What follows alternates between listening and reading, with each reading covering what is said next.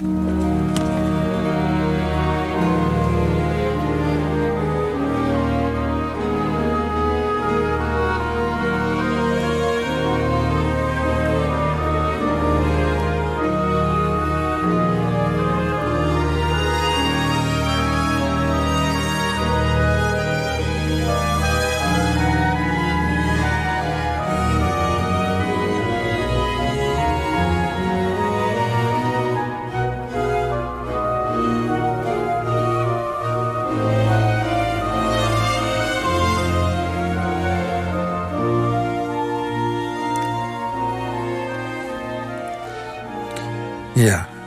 Het intro bij het openingskoor uit het meest vaderlandse muziekstuk van Duitse makelij. De Matthäuspassie. Er zouden deze week 354 uitvoeringen van gegeven worden... in ongeveer elke kerk en muziekzaal die Nederland rijk is. We behelpen ons nu met livestreams. En met de troostrijke gedachte dat de Matthäus... zoals uitgevoerd in de Grote Kerk in Naarden... dit jaar is uitgeroepen tot immaterieel Nederlands erfgoed. Ja, maar wat is het geheim van de Matthäus en waarom is juist ons land er zo aan verslingerd? We praten erover met Govert-Jan Bach, jawel, u hoort het goed, Govert-Jan Bach, theoloog en psycholoog. Hij maakte een luister- en cd-boek over de Johannes en de Matthäus-passie en stelde de zogeheten grote Bach-atlas samen. En blijkt dus, zoals hij is verplicht aan zijn naam, een echte Bach-kenner. Want Govert-Jan, laten we dat, dat mysterie maar meteen even uit de wereld helpen. Je bent via allerlei lijntjes ver weg, maar toch een echte Bach. Zonder dat je nu de hele lijn uitlegt, de, beaam het even. Klopt nou, het is, het is heel dun. Nou, het is heel dun. Toch maar even dan. Om te beginnen zijn er geen nakomelingen van Johann Sebastian meer in naam. Hij is in 1873 al in naam uitgestorven. Er zijn via de vrouwentak, onder de naam van Colson, vrouwen die nog, mannen ook, die de uh, genen van hem hebben. En die wonen in Amerika in, in Wegbar. Die ken ik ook, hele aardige mensen. En dan houdt het op. We hebben het goed onderzocht. Wij komen wel uit Wegmar. Dat is de, de plaats waar de, ja, de bagger vandaan kwamen. En we komen van een feit, maar dan krijg je het. Er zijn meer feits. Ja, en die feits zijn weer verbonden aan de Bachs. Allemaal familie. Zo allemaal familie. Juist, dus, dus, dat is de dus- lijn. Dus maar, wat mag je, als je nou jouw DNA zou onderzoeken... en dat van Johan Sebastian, wat blijft er dan? Nou, ik denk niet veel. Juist, goed. maar toch. Um, Kijk, normaal gesproken vragen we altijd meteen... naar welke Matthäus ben je geweest uh, of, ga je nog. Uh, nu kun je hooguit vragen welke livestream ga je bekijken of beluisteren. Ik ben niet geweest. Normaal gesproken zing ik mee in de Amazing Matthäus. En ik was dit jaar zo bezig met uh, ja, vijf podcasts over de Passionen van Bach... dat ik wel genoeg gehoord had. Voor mij is het ook geen ritueel. Ik hoef niet ieder jaar een week verplaatsen naar een Matthäus toe. Hij zit, al, hij zit al in je. Hij zit al in me, ja. Maar net zo goed. Uh, er is dus wel andere mooie muziek van Bach. Ja, Laat, laten we even naar die Matthäus toe gaan. Ja. Uh, wanneer heeft hij het gemaakt en wat kwam er allemaal bij kijken? Om het maar eens plat te vragen. Hij is gemaakt in, uh, vanaf 1725. De eerste uitvoering was al 1727. Definitief in 1729. En ja, dat hoorde gewoon op het menu van Goede Vrijdag in Leipzig... een Matthäus Passion. Eerst waren dat anderen en later werd dat Bach toen hij het baantje kreeg. Dat was hoorde erbij. En hij heeft het toen gemaakt. En hij heeft ik eerst de Johannes gemaakt. Hè? Ja, dat was een paar daarvoor heeft hij Johannes gemaakt. Heeft hij heel veel ruzie over gekregen. Die was te weinig gericht op boetvaardigheid. Die, was ook, die eindigde te vrolijk. Dat, dat mocht niet. Er moesten meer tranen vloeien. Nou, eh, vertel eens. Want uh, we luisteren normaal altijd nu in, in de huidige tijd met grote eerbied en ontzag hè, gaan mensen naar de Matthäus. Ik ben naar de Matthäus geweest. Hoe, hoe ging dat toen? Ja, dat ontzag en zo, dat is natuurlijk iets wat hoort bij een monument, hè, bij een ritueel.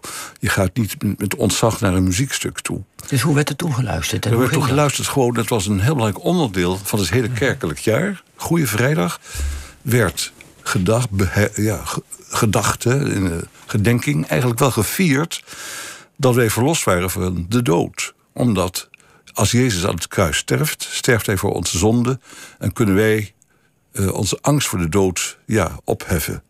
En dat was het kernstuk voor Luther, die had het zelf ook ondervonden. En dat werd ieder jaar, het Goede Vrijdag, werd dat herdacht. Er werd ook geld weer uitgetrokken. Iedereen ging ook naar die heel lang, lang dienst. Was een, van de hele middag zat je in de kerk toe om dat mee te maken. Ja, dus, dus je zat in de Thomaskirche, want dat is de beroemde kerk waar het allemaal begon. En luister je dan alleen naar de Matthäus Passie of ging er nog wat aan vooraf? Of? Ja, eerst plaats zong je voor en na eigen kerkliederen, koralen. En er werd vaak ook nog wat orgel gespeeld, meestal door Bach zelf. En er waren nu gebeden. En er was een hele lange preek van minstens een uur. Dus, dus een uur of zes, zeven later kom je die kerk uit. Ja, ja. Juist. En, en als we nou, je, je, je tipte daar al een beetje aan. Als we nou naar dat doel van de Matthäus gaan, uh, Matthäus gaan. wat toen de tijd de bedoeling ervan was dat er iets gebeurde met het innerlijk behang van de luisteraar, van de mensen die er zitten. Uh, er moest iets met ze gebeuren. Ja. Je, je refereerde er net al aan. Leg het nog, toch nog maar even wat uitgebreider uit. Wat, wat was nou de gedachte? Als tegenprestatie tegen wat Luther nu vrolijke ruil noemde. Ik sterf voor jullie opdat jullie leven. Moesten wij wel toch wel een soort van schuld- of zondebesef ervaren. Dat was wel wat nodig was. Want zomaar kon je ook weer niet in de hemel. Het was, de weg was vrijgemaakt, maar je moest ook wat doen. En dat zondebesef, dat schuldbesef. Dat moest opgewekt worden, het moest beleefd worden. En de muziek was ervoor om die beleving als het ware ja, te doen werken. Die moest, maakte als het de teksten waar het allemaal in stond, het verhaal van de verhoor en de kruisiging en het sterven zelf levendig maken, live maken. Nou, geen andere die het zo goed kon als Bach. Het is alsof je erbij zit. Laat, laten we even een, een, fragment uh, nemen waar dat heel erg duidelijk wordt hoe Bach dat uh, effect, dat is wat oneerbiedig gezegd, maar ik zeg het toch maar even, dat effect van boetvaardigheid wil bereiken.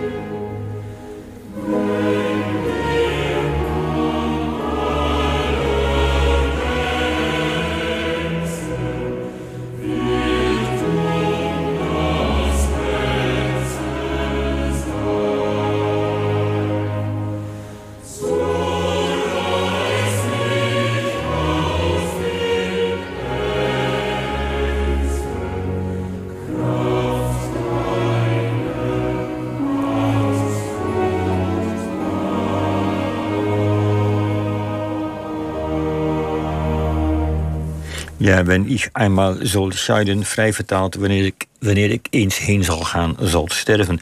Kun je, kun je uit... je dat echt, Jos? Ik kon het. Nou, weet je, er zijn mensen hier aan tafel die wel ooit eerder die passie hebben gehoord. Uh, dat, dat, dat gebeurt in Nederland. Is wat anders dan dat je de hele tekst verstaat. Dus dat, ja. ich einmal soll scheiden. Daarom ja. zei ik het ook nog eventjes ja, okay. voor, voor de duidelijkheid. Dan weet iedereen het. Um, maar toch, uh, in die tijd verstond iedereen het, denk ik, Paul. Ja. Want de mensen kenden, want dat is namelijk wat wij ons niet kunnen voorstellen. Als ik het goed begrijp, Govert-Jan, iedereen kende die teksten natuurlijk. De teksten van dit soort kerkliederen ja. kennen ze allemaal ja. uit hun hoofd haast. Hoe, hoe moest dit lied nou uh, die juiste mindset voor... ik ben er klaar voor, boetvaardig genoeg om dood te gaan? Want dat, het leven ging om doodgaan in die, in die late middeleeuwen en vroege, vroege... De dood was heel erg aanwezig. Daar ging het om. Het was een obsessie in Duitsland door de 30-jarige oorlog. Een vreselijke slachting. En om je heen stierven de mensen bij bosjes. De, he, Bach heeft, uh, daarom is hij ook uitgestorven... tien van zijn kinderen moeten begraven. He, dus maar, maar, vertel eens, ja. hoe, hoe was nou de gedachte dat, dat dit... Hoe kun, kun je uitleggen wat zo'n zinnetje en, en deze melodie maakt... dat er iets met je gebeurt? Nou, het is al, ja, we zijn al een heel stuk door die Matthäus-persoon heen... dat Bach wil gereedschappen aanreiken om te kunnen sterven. Het gaat om de kunst van het sterven, de ars moriendi. Mm -hmm. Hoe, wat kun je nu bij leven er nog aan doen, voordat je ineens plotseling sterft, dat je schoon naar de overkant, naar de andere kant kunt. En, en dat je op de juiste plek terechtkomt. Ja, ja want Dan, dan zal je niet alleen zijn als je in sterfzuur ja. bent. Ja, nou, ook de angst voor het sterven was er nog steeds. Ja. Is, is het nou ook, we moeten met, met moder, in moderne taal misschien toch ook een beetje naar de Matthäus Passion kijken als een soort collectieve therapeutische uh, gebeurtenis? Het was toen een, een redigingsritueel, een, een boet, boetvaardigheidsritueel. En het is nu een soort van overgangsritueel geworden. Ja, maar, maar hoefde je er dan alleen naar te luisteren voor die boetvaardigheid? Of riep het ook op om iets te doen? Ja, huilen. huilen. dus ja. Bach maakt de muziek zo dat het als sterke verhaal heel erg live wordt. En dat je erin betrokken raakt. Dat je identificeert met de mensen die er langskomen. En die identificatie die lukt altijd. Er is altijd wel iemand of iets waar je je mee identificeert. Al is het Jezus zelf maar, want die sterft onschuldig. En wij moeten allemaal een keer onschuldig sterven. Ja. Zo is het U- wel eenmaal helaas. U is eh, die Bach, eh, die Matthäus Passion, is, als ik het goed begrijp, vier keer opgevoerd. Hè? Eh, uitgevoerd, in, ja. in de begintijd, hè, toen die, toen die bestond. Dan wordt hij een beetje vergeten en dan komt er in.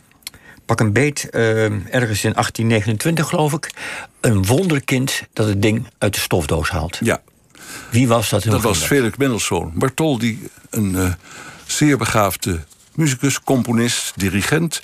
die zingt met zijn zusje koralen in hun koor in Berlijn, de Singacademie. Die zegt, deze muziek is geweldig. En dan hoort hij dat de Matthäus Passion, de partituur... dat die ergens is en dat, eh, dat via zijn oma te krijgen is. Dan wordt het, komt kerst eraan en dan vraagt oma aan Felix... wat wil je onder de boom hebben, Felixje? Ach, de Matthäus Passion graag, oma. En die heeft hij gekregen. En vanuit die kopie van het eh de Reinschrift, de oer, oerschrift... is de Matthäus Passion met zeer veel tegenwerking... omdat het heel ingewikkeld was, gaan uitvoeren na 100 jaar. En die heruitvoering die heeft er echt geleid tot die Bach-renaissance. Want die kerkmuziek van Bach die werd niet gedrukt. Dus niemand kende die. Oké, dus al die psalmen die nu ook et cetera allemaal in de vergetenheid. Maar een jonge man van 14 jaar was toen kennelijk al zo beroemd Ja. dat hij dat voor elkaar kon krijgen. Want hij heeft die, Ja. een hele nieuwe uitvoering. eh, Absoluut. Het was, het was een wonderkind. En hij was ook Luther, Luthers geworden, hè, van huis uit Joods. Voor hem betekende dat veel. En die, eh, ja, die koralen hoorden ook bij zijn kerk en zo. En hij had het geld, dus hij heeft daar ook waarschijnlijk de dirigent... als het ware wat geld toegeschoven. Van, voer het nou toch maar uit, wat ben je er tegen? Want die dirigent, Zelter heet hij, had de pest aan die tekst. Die vond hij al veel te christelijk. En dat, en dan is het hek van de dam en dan gaat ja, de Matthäus geschiedenis maken ja, door de. Mendelssohn maakt er een concert van. Hij had het uit de kerk, hij het in een lineaire zaal... met de, de, de solisten voorop, groot orkest, groot koor. Bach had er maar acht, misschien zestien. En daar zaten eens eh, honderd man te zingen. Dus het was totaal anders. En dat concert, Mendelssohn-concert... dat is zoals wij de Matthäus in Nederland hebben leren kennen. Ja, maar hoe kwam het dan in Nederland terecht? Ja, nou, het was dus eh, 1870 uitgevoerd, haha, dat heb je het, in Rotterdam.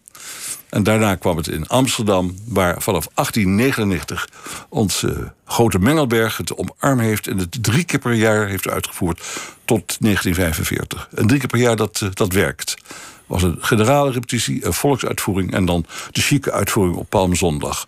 Nog steeds door de AVRO, hè, die door de NCRV zo Juist, de algemene Nederlandse, et Juist, cetera. ja. Dus, dus het is mooi wat je vertelt, want eindelijk vanaf Mendelssohn wordt Bach een beetje uit die kerk gehaald. Helemaal. En zeker ook de Matthäus-passie. En dat is ook een van de oorzaken van het enorme succes in Nederland, Ja. zeg je. Ja. En sterker nog, eh, we refereerden daar in het begin al aan... het is inmiddels uitgeroepen tot eh, immaterieel erfgoed. Eh, de- met name de uitvoeringen naar de, de, in de grote kerk, wel weer in de kerk, daar. Ja. Hoe zou die uitvoering? Nou, die uitvoer van Mengelberg, dat leek meer op Wagner dan op Bach. En toen zei ze in eh, het Gooien, waar ze natuurlijk ook veel eh, artiesten hadden wonen... dat moet anders. Die Wierook Matthäus, die gaan we eens even aanpakken. Die gaan we schoonmaken. Dat vernis moet eraf van Mengelberg. En we gaan naar Goede Vrijdag toe. We gaan naar een kerk toe. We gaan alles veel, veel kleiner maken. Een beetje zoals we denken dat het geweest is. En toen is hij toen was een tegenbeweging, 1922. Dus dit jaar vieren we dat die vereniging 100 jaar bestaat. Volgend jaar dat die, die Matthäus hebben uitgevoerd. Tegenbeweging en toen is er van strijd ontstaan tussen Amsterdam en Naarden. En uiteindelijk, omdat Beckerberg op een gegeven moment ook in 45 eh, eruit werd gewerkt, heeft Naarden dat gewonnen. En daar kwam ook de regering. En dat Naarden dat predicaat krijgt voor die vind ik prima, omdat ze daar de meeste vernieuwingen hebben toegepast. Tot, vernieuwing tot door weer, zo, toe. Met vernieuwing klein- door, door weer zo oud mogelijk te zijn. ja, ja, zo origineel mogelijk. hè. Jos van Veldhoven nog. En het is ook nog een strijd geweest. Op een gegeven moment werd het grote koor eruit gegooid. En toen Charles de Wolf heeft dat meegenomen naar Leiden. Volgens mij zit Rutte daar altijd. Een beetje de, de traditionele ja. grote Matthäus. Maar goed, het is nu de Nederlands Het was nu heel troostrijk geweest voor hem natuurlijk. Maar goed, ja. Ja, omdat hij zijn handen in uh, onderschot heeft gewassen misschien. Juist. Vele malen. Ja, maar het is nu dus Nederlands erfgoed. En het is eigenlijk in Nederland dus groter dan in Duitsland. Oh ja, Duitsland zijn ze niet zo van de Matthäus. Weinig oratorium vinden ze mooi. Ja. En bovendien is, is Duitsland een geen Bachland. Wij zijn een Bachland. Dat is opvallend. Hè?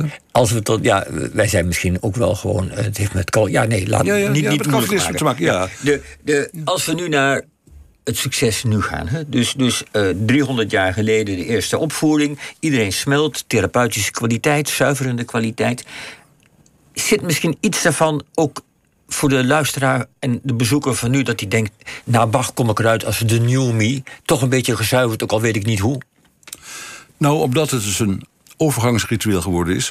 Hoort Wat- wat de, bedoel je met lente. wat bedoel je met lente dat je overgangsritueel? iets doormaakt, daar emoties om hebt, catharsis, vaak tranen. En dat je dan inderdaad via de hersens kan waarschijnlijk aan te tonen... een beetje een ander mens bent. In ieder geval in je brein is wat gebeurd. Je laat wat achter je uithuilen en opnieuw beginnen. Vandaar dat die Matthäus Eeuwknelt in die lente moet. Aan het eind van de winter, begin van de lente. Hè, en dus Amerika doet het gewoon in augustus. Dat zou bij ons niet kunnen. Er komt niemand. Govert Jan Bach, mogen we je bedanken. Je luistert cd-boeken over de Johannes en de Matthäus Passie... en de Grote Bach-atlas zijn dus uitgegeven bij uitgeverij Rubenstein. Een absolute aanrader, zo vrij mag ik wel zijn om dat te zeggen. Eh, we hebben geen, helaas geen tijd meer om nog af te sluiten met Bach. Eh, we gedenken Bach in ons hoofd, de mooie muziek. En ik wil je erg bedanken voor, eh, voor je uitleg over Bach. Graag gedaan en nog een mooie Pasen. Goed.